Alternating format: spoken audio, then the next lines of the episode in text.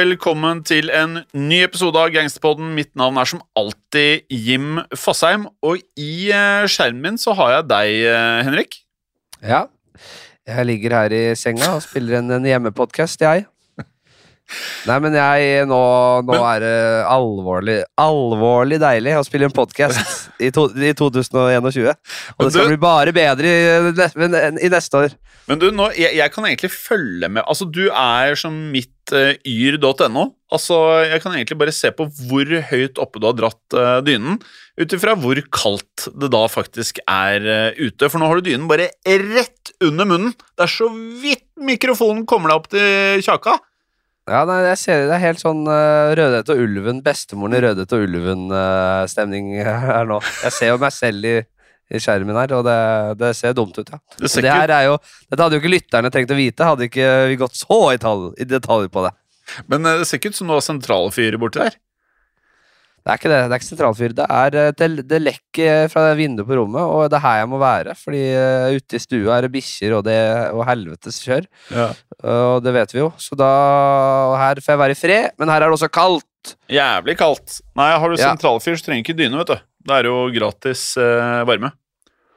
Jeg har gleda meg til fortsettelsen av eh, historien om Mayor Lansky. Ja.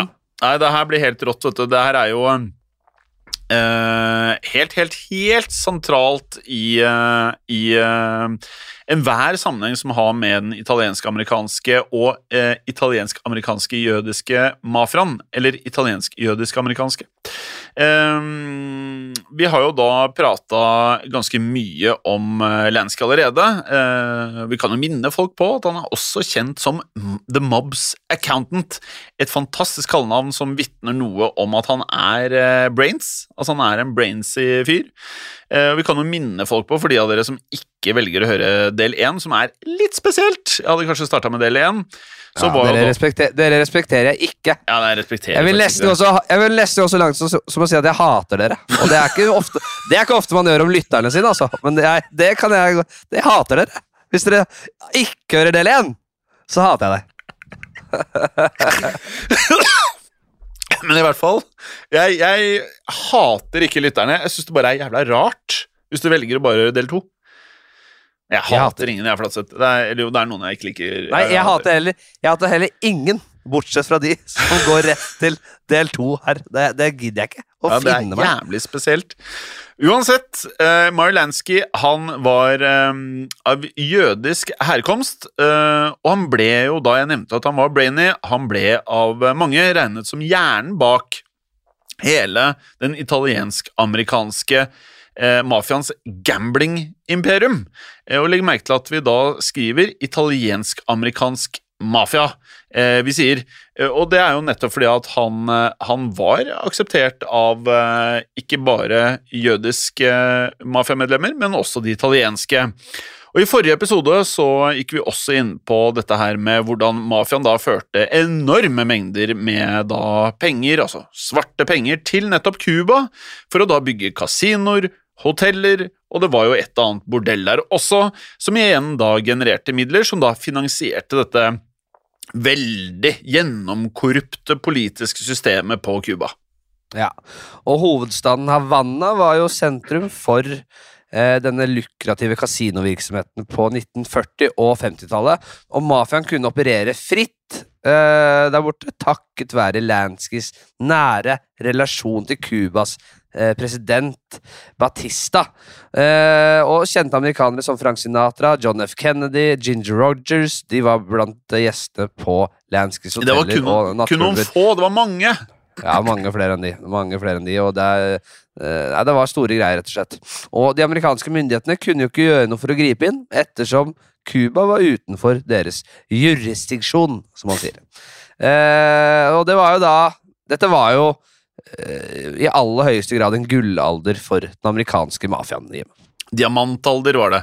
Eh, men ingenting varer evig, Flatseth. For enhver mafiafilm den eh, har et eh, klimaks, eh, og så kommer da vendepunktet. Eh, og det varte heller ikke evig for Mai Lansky eh, og hans Cuba-eskapader. Ja, nei, for i 1958 så ble alt snudd på hodet.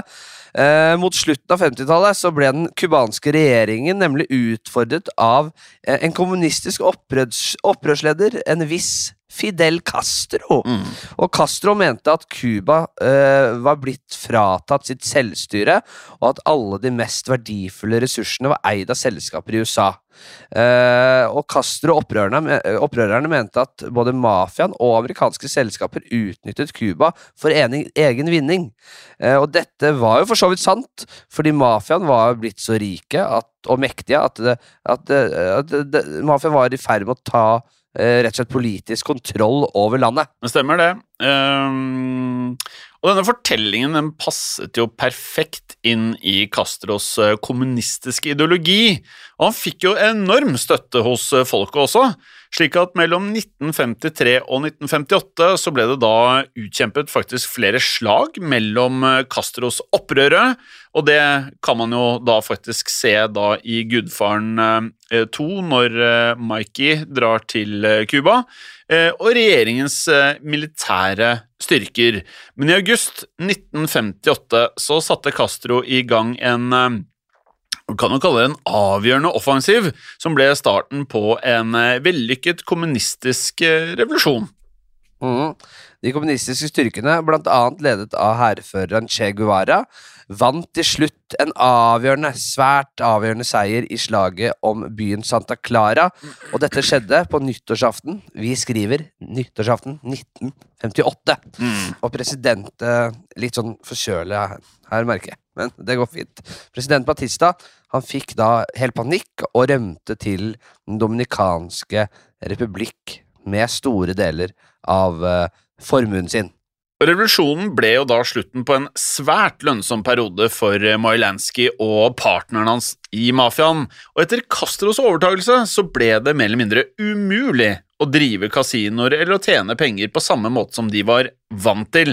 Så mafiaen de hadde jo nå hatt en, eh, ja, en av de mest innbringende periodene i deres historie, eh, med denne avtalen med president Batista. Men nå var han jo avsatt, så noe Ja. kom til å forandre seg her. Ja, Cuba var plutselig en eh, kommunistisk stat i USAs egen geopolitiske bakgård, eh, vet vi jo, eh, og alle forbindelser mellom Cuba og USA ble brutt. Eh, dette er jo viktig historie som ledet opp til den isfronten som har vært der i fra alle mine eh, første 32 år. Det er jo måte kanskje i ferd med å løsne litt opp. I hvert fall eh, litt lysere utsikter enn det var før i tida, men det er fortsatt en isfront der. Mm. Uh, og den nevnte John F. Kennedy var jo selv en ivrig gjest på mafiaens kasinoer, og han erkjente at USA var delvis skyld i det som hadde skjedd. Ja, uh, og Kennedy Fladseth han uttalte følgende han. Og på norsk Jeg tror ikke det er noe land i verden, inkludert de afrikanske regionene, inkludert alle land under koloniherredømme, der økonomisk kolonisering, ydmykelse og utnyttelse var verre enn på Cuba, delvis på grunn av mitt lands politikk under Batista-regimet. Jeg tror at vi skapte, bygde og også produserte Castro-bevegelsen uten å være klar over det. Det er sterke ord, det, Flatseth. Ja, og en av mange revolusjonsbevegelser som USA har eh, eh, Altså monstre USA har skapt, da, eh, på grunn av sin egen tilstedeværelse i forskjellige regioner i verden. Eh, det er interessant. Det er interessant. Revolusjonen på Cuba var jo et uh, hardt slag for Meyer Lansky, vår mann, uh, får vi si, uh, som mistet sitt eget luksushotell, Hotell Riviera, hans hjertebarn, og store deler av inntektsstrømmen sin med det. Og flere hoteller ble plyndret og ramponert etter revolusjonen, og, og alle mafiaens bygg ble konfiskert av Castro. Eh, og Lansky kan ifølge noen kilder ha tapt hele 7 millioner dollar over natta, dvs. Si 534 millioner kroner. Det er over en i halv eh, milliard, Flatseth. Ja, det er mye. Men men Lansky klarte likevel å tjene godt med penger og drive business utover på 1960-tallet. Og Lansky han vendte blikket til, na- altså, til Karibia. Mm. Nærmere bestemt mot Bahamas, Sim. Eh, og det er en god grunn til at han vendte blikket mot eh, Bahamas. For her så var det da en ambisiøs investor som het Wallace Gross, eh, som da hadde fått store landområder av nettopp staten i Bahamas til å drive eiendomsutvikling. Og Wallace Gross sin formue den kom rett og slett fra litt white collar fraud, altså finanssvindel, men han brukte da pengene til å bygge opp byen Freeport, som skulle bli Bahamas sitt svar på Las Vegas. Så det virker som det er mange land som har et svar på Las Vegas, eller sin versjon. Og i Freeport så kjøpte Lansky og mafiaen seg inn, og de bygget ganske bra med hoteller og ganske bra med kasinoer. Ja. Og samarbeidet startet i 1961, da Lansky skal ha inngått en hemmelig avtale med Gross om å drive med gambling i et hotell som var under oppføring, altså som var i ferd med å bygges. Og Lansky fikk eh, arkitekten til å inkludere en squashbane på hele 836 kvadratmeter i de offentlige plantegningene. Eh, og da hotellet faktisk åpnet, eh, så viste det seg at denne squashbanen egentlig var et kasino i seg selv. Du liker jo å spille squash, du, Flatseth? Ja, jeg spilte mye en periode. Ja. Uh, blitt lite i det siste. Men det er, det er veldig svært gøy spill. Ja. Tydeligvis litt mafiate. Uansett, Lanskys kasinoer på Bahamas de ble som eh, så, ikke overraskende svært populære blant eh, amerikanske turister. Og det ble til og med bygget en stor, flott, ny flyplass for å da ta imot alle amerikanerne som da kom til Freeport. Og dette, den, den, den delen av historien til Mailansky den er ikke portrettert i noen mafiafilm som jeg har sett. Så dette er nok for veldig mange som ikke har lest mye bøker om det og inngående kjennskap til historien til Lansky, så vil nok dette her eh, føles som ny informasjon. Veldig interessant. Mm. Mhm. Under Lanskys ledelse så ble Freeport uh, også et sentrum for hvitevasking og forsikringssvindel. Uh, Bahamas hadde ganske liberale skattelover, og lokale embetsmenn tok imot bestikkelser uh, over en lav sko for å gi ut nye eh, byggetillatelser. Eh, og det lokale politiet ble, ta, ble betalt da for å se en annen vei når det gjaldt alt av kriminell aktivitet, og ja er Overrasker meg ikke. Nei, sånn er det jo. Ja. Eh, Marlansky han eh, passet imidlertid på at han investerte i flere land og også flere bransjer samtidig. Så det er, man skjønner jo her, her er det en fyr som eh, vet økonomi, han vet butikk, han har ikke alle eggene i én kurv. Eh, han ville rett og slett da lære av feilene. Han skulle ikke gå på ny smell slik han hadde gjort på Cuba, hvor han da var blitt tvunget til å bygge alt på nytt igjen. Og Lansky han var involvert i alt, han. Eh, eller mye.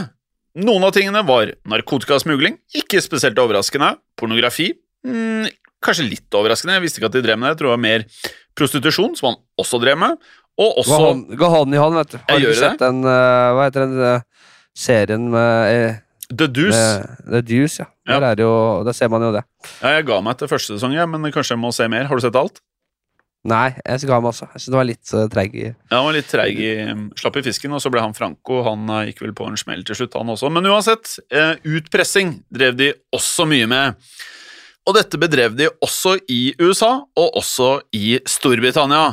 Men Lansky han hadde også kontroll over lovlige virksomheter, som eksempel hoteller, golfbaner, og for alle som har sett mye Sopranos, ink meg selv, så er det lite overraskende at han drev eh, flere kjøttforretninger.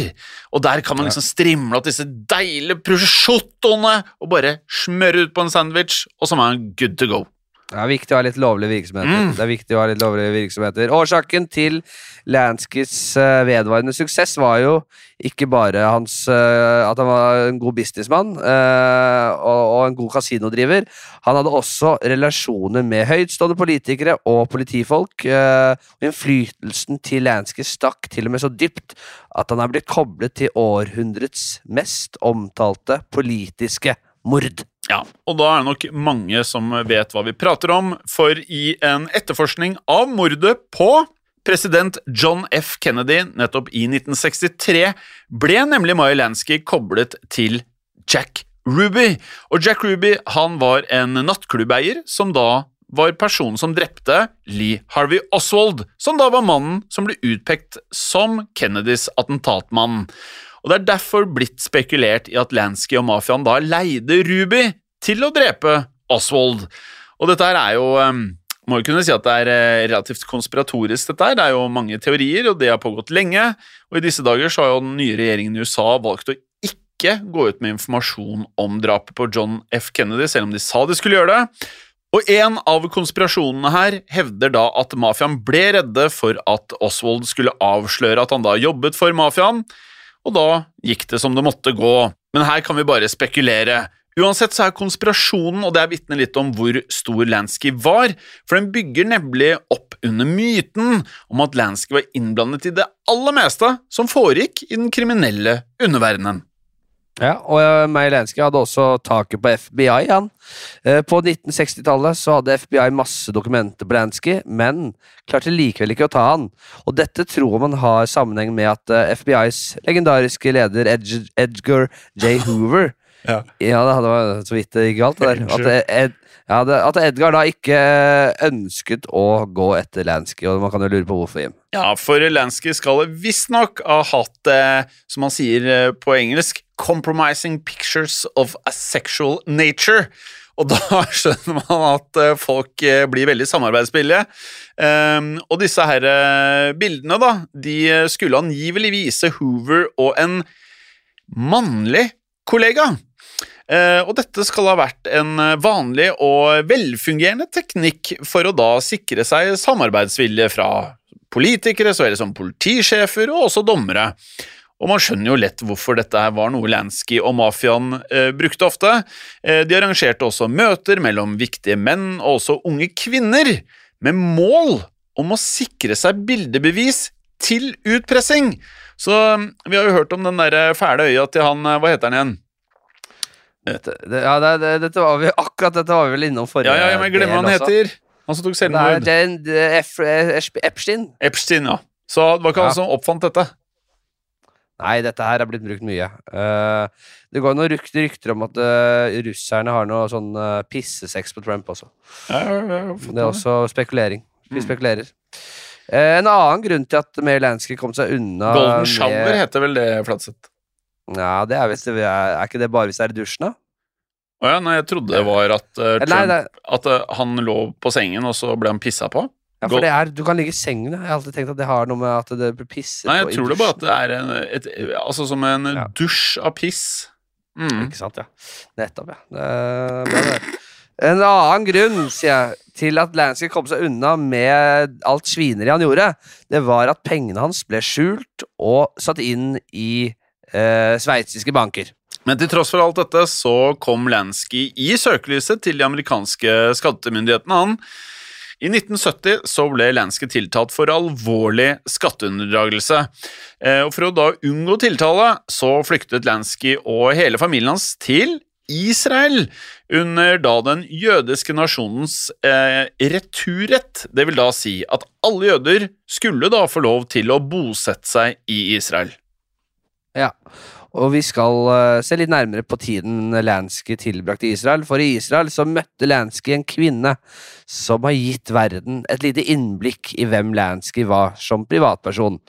Eh, Jeg sitter og ser på et, eh, et bilde av Lansky og denne kvinnen her nå, og det var en litt yngre kvinne. Ja, mye yngre.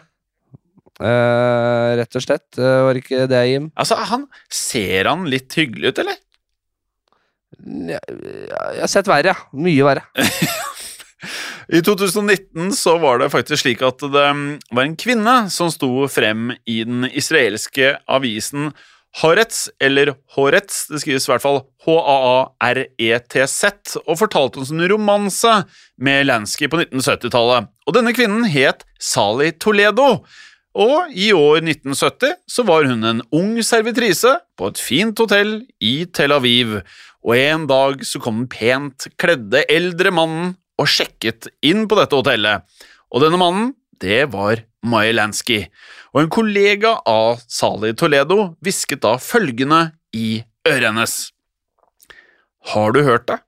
Det er en gangster her på hotellet som har 300 millioner dollar. Han brenner ned diskotekene til alle som ikke betaler beskyttelsespenger. Det var Maya Lansky. ja, det jo, høres jo ikke helt utrolig rått ut nødvendigvis, med mindre du er inni det greiene her, da. Men Sali, Eh, hun, eh, hun, hun de, hun syns dette var interessant. Hun kunne like det. Sally skal ha fort da bare løpt bort til den nærmest. Innledet et forhold til Lansky, og Lansky var jo 40 år eldre enn Sally selv, Ja, ja, ja. men hadde ifølge uh, Sally en enorm karisma.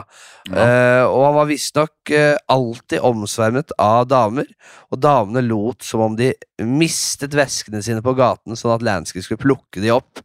Uh, alt da for å bare få en sjanse til å prate med han. Så han hadde draget, han derre Lansky. ass. ass. Så ille visste jeg ikke at eh, det var, ass. Eller så bra, alt ettersom. Ja, ja, bra, ja, ja, ja, nei. Det er jo noe å misunne, det. Mellom 1970 og 72 så levde Sali og Lansky åpent sammen, selv om Lansky var gift. Og Sally og Lansky de gikk på alt fra kafé, de reiste rundt, og ja, de dyrket kjærligheten, da. Eh, Og Lansky han var jo en kjent figur i Israel han på denne tiden, og også beryktet, da, som vi nevnte i sted, for sitt eh, gambling-imperium og også nettverket til eh, veldig mye mafia, da. Og likevel så skrev da ikke pressen om Lanskys affære med Sally, nettopp fordi redaktørene var redde for å provosere Maya Lansky. Ja, han hadde balletakk eh, på, på flere, opptil flere bransjer. Eh, og Lansky skal jo ha tatt svært godt vare på uh, elskerinnen sin Sally. Uh, Lansky kjøpte en flott leilighet til henne uh, og sørget for at hun fikk eh, omsorgen for sin datter tilbake fra eksmannen. Mm. Uh, og hvordan han ordnet dette, det vet vi ikke, men gangsterne finner vel alltid en måte å gjøre ting på. uh, og det trenger ikke være så avansert heller. Uh, det vet vi. Og Lansky skal ha ytret et ønske om å ta Sally med seg på reise for å se de norske, da, for å se de norske fjordene.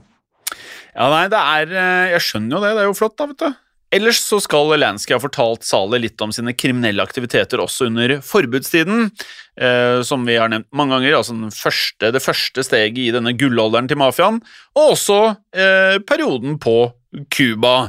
Men hver gang Sali spurte om fortiden hans, så skal Lansky ha sagt jo mindre du vet, desto bedre er det. Så Sally og Lansky hadde da to gode år sammen. Men alt godt må jo, som vi nevnte tidligere, Flatseth, det må jo ende, spesielt i verden til mafiaen.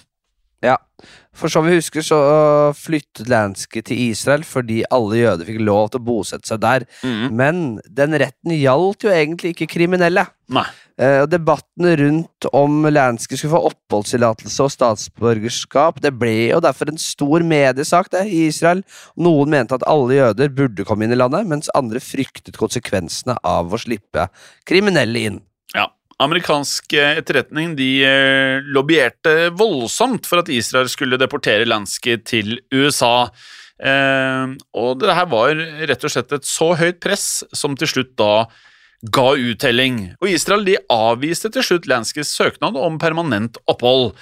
Året nå var 1972. Planen til Lansky var egentlig å rømme til El Salvador, altså i Latin-Amerika, etter å da ha gjort en avtale med statslederen der. Og her vil nok mange som har sett Gudfaren 2 eh, flere ganger, dra kjensel på det vi prater om. Ja, fordi det var jo sånn at Lansky rakk jo ikke å flykte.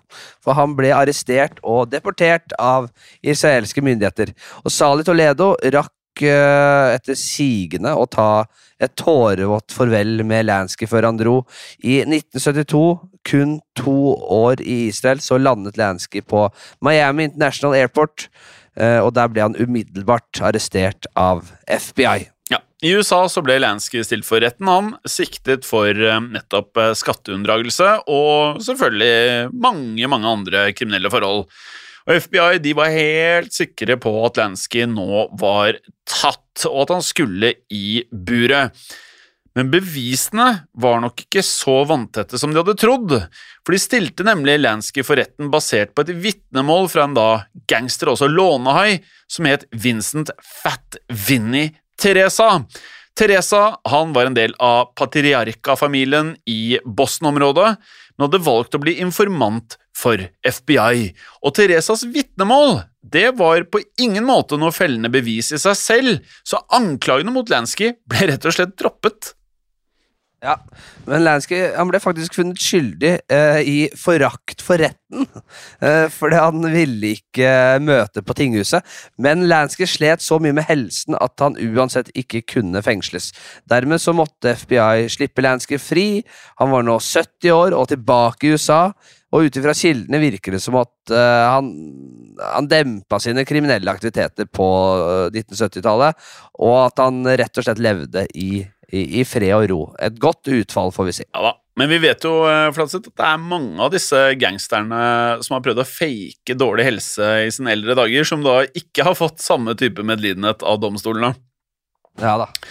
Men uh, han godeste Meyer han uh, gjorde mye rett, han. For han slo seg nemlig ned på Miami Beach Eh, og med det så kunne han da nyte en pensjonstilværelse, og Lansky han eide da en luksusleilighet i det som må vel kunne kalles eh, et av de hotteste leilighetskompleksene i byen på den tiden. Eh, og Lansky han var på dette tidspunktet en levende legende som da kunne nyte disse dagene. Ja, og Lansky ble heller ikke plaget av skattemyndighetene lenger. Eh, han skal nemlig ha overført store pengesummer til familie og andre han stolte på, for å skjule sin egen formue, slik at Meyer eh, da kunne leve i luksus uten at noen eh, var utafor med, med kikkerter og overvåkning. Og for Meyer, eh, Meyer selv så måtte han til slutt også møte sin endelige skjebne. da. Eh, Lansky ble diagnostisert med lungekreft, og han døde av det i 1983 i en alder av 80 år, og det er ikke halvgærent for en som har levd et så turbulent liv. Ja da. Men Flatseth, vår historie om Majolanski den eh, slutter ikke her, som eh, kanskje mange av lytterne nå tror. Eh, når vi er tilbake etter en kort pause, så skal vi ta for oss mytene rundt Lanskis liv. Lanskis nærmest hellige status da i den moderne mafiaen, samt hvordan noen svært kjente filmer, jeg har nevnt noen, har hentet da inspirasjon fra livet hans. Velkommen tilbake til vår andre episode om eh, Mailansky. Som dere har hørt, Fladseth han hater alle som hører kun episode to og ikke episode én først. Så gå ja, gjerne tilbake er, til episode én. Det er jo ingen som gjør det. Det er, bare, Nei, det er, det er derfor jeg kan tillate meg å si det. Ja, Nei, det er veldig rart. Eh, hvis man gjør det. Uansett, etter Lanskys eh, død, altså i 1983, eh, så var det mange som lurte på hva som da ville skje med formuen til Lansky. Og som vi da nevnte i episode én, så er det da vanskelig å beregne akkurat hvor mye penger de fleste i mafiaen faktisk tjente og satt igjen med, spesielt for Majelanski, som da hadde gjort såpass mye forskjellig. Men vi skal prøve å ta en liten kikk på dette her, da. Ja. Føderale myndigheter hevdet etter Lanskys død at han hadde skjult en formue på rundt 300 millioner dollar, og det vil si 5,5 milliarder norske kroner i dag. Det er riktig, det, men like før uh, Lansky døde, så hevdet han selv at han var mer eller mindre blakk. Uh, og da han døde, så etterlot han kun uh, rundt 50 000 dollar i kontanter til kona Thelma og deres tre barn, som da tilsvarer, ja, tilsvarer røftlig 1 million norske kroner den dag i dag. Ja, så det er, altså, det er usikkert da om Lansky hadde brukt opp formuen sin eller ikke. Eh, Eh, som vi har nevnt, så skjulte Lansky penger i sveitsiske banker. Lansky skal ha vært eh, uh, veldig tidlig en av de første, ikke det første, men en, ja, en slags pioner, eh, kan, kan, vi kanskje si. Mm. Når det kommer til å på å sette penga i sveitsiske banker. Ja, ja. Uansett, vi må skru tiden helt tilbake til 1931, for da ble nemlig den kjente mafiabossen Al Capone fengslet for skatteunndragelse, og dette fikk Lansky til å skjønne at han selv var sårbar for lignende tiltaler. Ja, For så å da beskytte seg selv, så overførte Lansky de ulovlige inntektene fra organisert kriminalitet til en sveitsisk bankkonto. Og I Sveits var kontoeiere sikret eh, anonymitet, som er beleilig, eh, som da følge av en banklov som ble vedtatt i 1934. Senere så kjøpte Lansky til og med en hel bank han i Sveits, som han da brukte til å hvitvaske penger gjennom et eh, nettverk av skall- og holdingselskaper. Ja, og, og myndighetene i USA hevder jo derfor at Lansky skjulte millioner av dollar ved sin død på kontoer i disse sveitsiske bankene. Eh, men senere undersøkelser, senere undersøkelser det gir et litt annet bilde, Jim. Ja, eh, for en journalist som da heter Robert Lacey, har da skrevet en biografi kalt The Little Man, Meyer Lansky and The Gangster Life. Robert Lacey han mener at eh, Lanskys ekstreme rikdom var eh, mer eller mindre overdrevet. Og I boken så hevdes det at Lansky hadde økonomiske problemer de siste årene av livet sitt, og at han da ikke kunne betale for behandlingen til sin da handikappede sønn. For han hadde da en sønn som led av cerebral parese. Uansett eh, hvor mye eller lite penger eh, Lansky etterlot til familien sin, så har han fortsatt deres fulle støtte. Lanskys datter, Sandra Lansky, utga i 1914 en selvbiografi der hun eh, på side ned, opp på side ned hyller faren sin. Ifølge Sandra så er bildet av faren som en gangster helt ubalansert og feil. Hun mener at faren gjorde gode ting for både familien, staten Israel og USA. Ja, Lansky skal angivelig ha brukt sine forbindelser eh, til Det hvite hus for å overtale president Harry Truman til å da støtte opprettelsen av staten. Og Lansky skal også da ha bidratt med våpen som gjorde at Israel kunne beskytte sin eh, selvstendighet. Et annet, da mindre kjent aspekt ved Lanskys liv var at han før krigen var en aktiv bekjemper av nazismen i USA.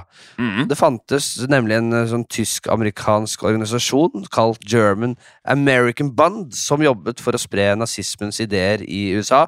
Og på 1930-tallet så skal Lansky og hans gjeng ha angrepet flere sånne pro-nazi-demonstrasjoner. Ja, Lansky skal selv ha fortalt om da han eh, en gang brøt opp et German American Bun-møte i Yorkville, som da var et eh, tysk nabolag på Manhattan, og jeg siterer her.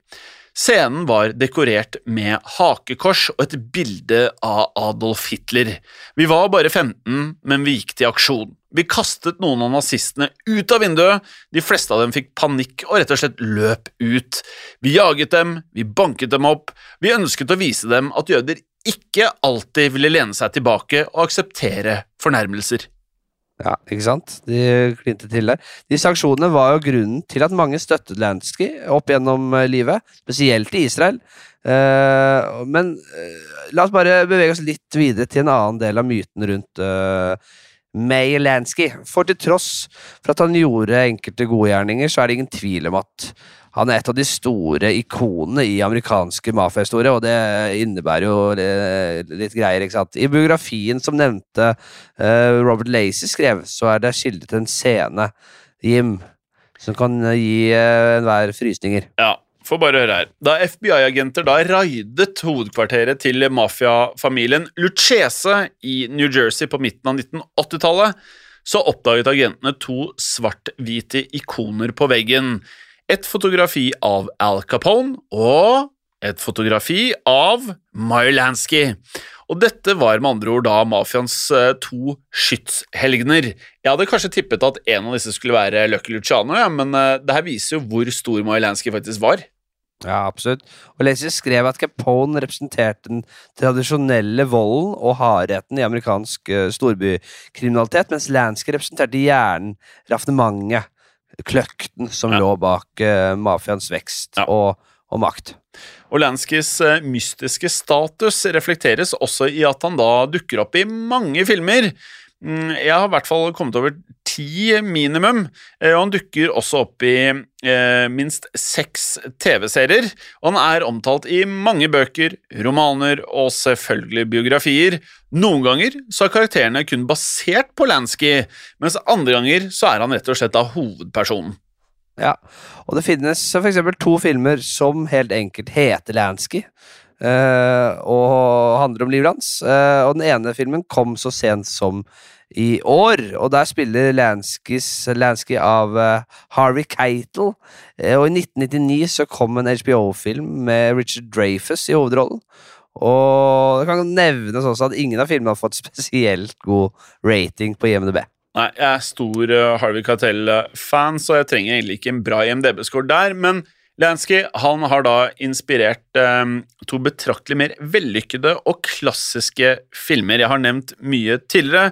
Eh, vi nevnte jo så vidt det var i episode én også. For eh, Lansky var jo da mer eller mindre en modell både for karakteren Hyman Roth i Gudfaren del 2 og for Robert De Niros hovedkarakter i Once Upon a Time in America. Eh, to av filmhistoriens aller beste gangsterfilmer. Det er, det er ja. Ja, og for dem som da ikke husker uh, karakteren Hyman Roth fra Gudfaren del 2, så kan vi beskrive han som ja, en aldrende jødisk gangster bosatt i Miami. Kanskje i det fineste leilighetskomplekset der, uh, som vi var inne på i stad. Roth er en uh, fast businesspartner for Corleone-familien, og i filmen så får vi vite at Roth startet å samarbeide med Corleone i forbunds, forbudstiden. Og vi får også vite at Roth var en svært nær alliert av karakteren Mo Green, en jødisk gangster som var med i Gudfaren del 1. Og I filmen så omtales Mo Green som mannen som fant opp Las Vegas. Mm. Og dette høres jo da unektelig ut som en variant av en av mine favorittgangstere, altså nemlig Bugsy, altså Bugsy Siegel. Eh, og filmskaperne bak Gudfaren har uttalt at karakterene Hyman Roth og Mo Green er svært inspirert av ekte, eh, de ekte variantene, altså nemlig dette vennskapet mellom Meyer Lansky og Bugsy Siegel. Ja, og i virkeligheten så er det jo ingen som helt vet hvem som drepte Bugsy Siegel. Det er, dette har vi vært inne på. Det er jo et av eh, de store mysteriene i, i mafiahistorien, men i den første Gudfaren-filmen så tar filmskaperne seg friheten å vise at Bugsy Siegels karakter blir drept av Corleone-familien, og i Gudfaren 2 så blir dette videreført ved at Hyman Roth, aka Maylansky, skal hevne, eh, skal hevne da, dette drapet på Siegel. Uh, og det skal gjøres ved å drepe Michael Corleone, altså han som blir spilt av Pacino. Ja, og for alle som hører på denne podkasten her, må vi nesten regne med at du har sett Gudfaren 1 og 2. Treeren prater vi ikke om. Eh, Gudfaren 2 er jo i bunn og grunn en eh, høydramatisk skildring av eh, mafiaens gullalder på Cuba. og igjen en veldig god scene, vil jeg si, så feirer Hyman Roth bursdagen sin. Eh, og bursdagskaken er da formet som øyen Cuba. Jeg liker spesielt godt det som skjer der. Eh, kaken skal liksom gå på rundgang, og han servitøren går rundt med kaken og skal vise kaken til alle de som er der, som egentlig bare sitter og venter på å prate business, og så får de et eh, kakestykke, da. Eh, og Michael Corleone og de andre deler jo da opp eh, ja, i biter og fordeler disse stykkene mellom seg, da.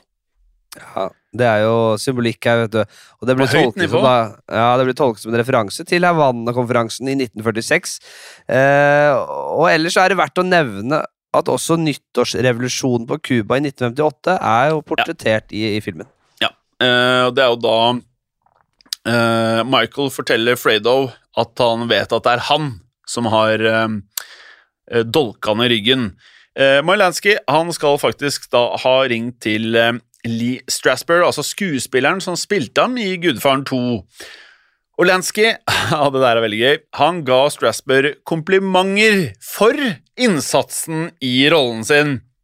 Og vi vet jo det, disse El Chapo, alle sammen, de digger kjendiser, og de digger å bli portrettert i Hollywood-filmer. Men Lansky hadde én innvending, Fladseth, og det var som følger. Du kunne ha gjort meg noe mer sympatisk. Jeg er jo tross alt en bestefar. ja. Jeg liker det. Ja da. Og Lansky, Lansky tok seg i det minste tid til å ringe Strasbourg, men Lansky var ikke like møtekommende uh, noen år senere. For da Robert De Niro skulle forberede seg til rollen sin i Once Upon a Time in America, så skal han ha bedt Lansky om et møte som en slags research. Denne forespørselen skal da Lansky ha avvist. No, no, Robert De Niro. Fuck no you. way, Bobby De Niro! Uh, det er også verdt å nevne at en uh, ung, ung Mylansky da også dukker opp som en uh, bikarakter i HBO-serien Boardwalk Empire, som jeg da digger, spilt av skuespilleren Anatol Josef. Og i Boardwalk Empire ser vi da at Lansky er en protégé eh, av den jødiske mafiabossen Arnold Rothstein. Og som vi nevnte i forrige episode, så var Rothstein mentoren til både Lansky og Bugsy Siegel. Og Arnold Rothstein han var en eh, legendarisk mafiaboss i sin egen rett, og eh, vi må jo prate om han også i fremtiden. Ja. Det, eller skal vi gjøre det? Fordi du sleit voldsomt med å si Rothstein der. Jeg syns det var jævlig vanskelig. Rothstein. Arnold, Arnold Rothstein var, var, var, var vanskelig å si. Rothstein? Rothstein? Rothstein. Det, det klinger veldig greit i min munn. Men hvordan sier du det? jobbe- Rothstein? Rothstein. Rothstein. Ja, du sier Roch. Men det er Roth. Rothstein. Rothstein. Roth. ja, ja. Si Roth, si Roth da. Roth. Rothstein. Rothstein. Eh, vi kan jo ta eh, på tampen her eh, med, med en annen mann, eh, faktisk, ved navn May Lansky 2. Oh, ja. som er Lanskys barnebarn, nylig har eh, Han har nylig bedt den cubanske regjeringen om økonomisk kompensasjon for hotellene som Fidel Castro konfiskerte fra bestefaren, Lansky sjøl, og barnebarnet mener at kasinoinntektene som Lansky gikk glipp av pga. revolusjonen, bør dekkes økonomisk av Cubas myndigheter. Tipper Cuba 60... var ganske Ja. gira på å betale penger her. Ja, 60 år senere, altså. Og myndighetene har jo da selvfølgelig avvist dette kravet. Ja. Eh, det var egentlig det vi hadde, og dette her er jo Det er jo veldig juicy, dette her. Viktig, viktig, viktig del av uh, mafiahistorien.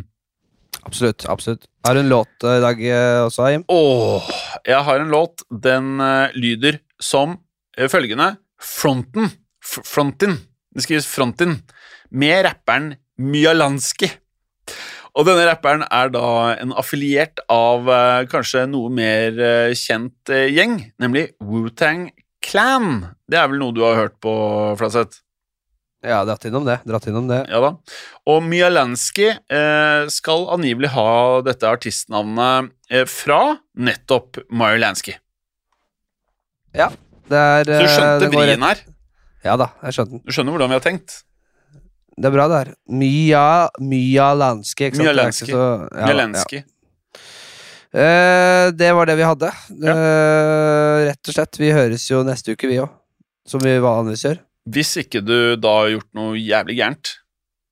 Og ligger og sover med fiskene. Hvis ikke, hold det gangster. Ha det. Ha det.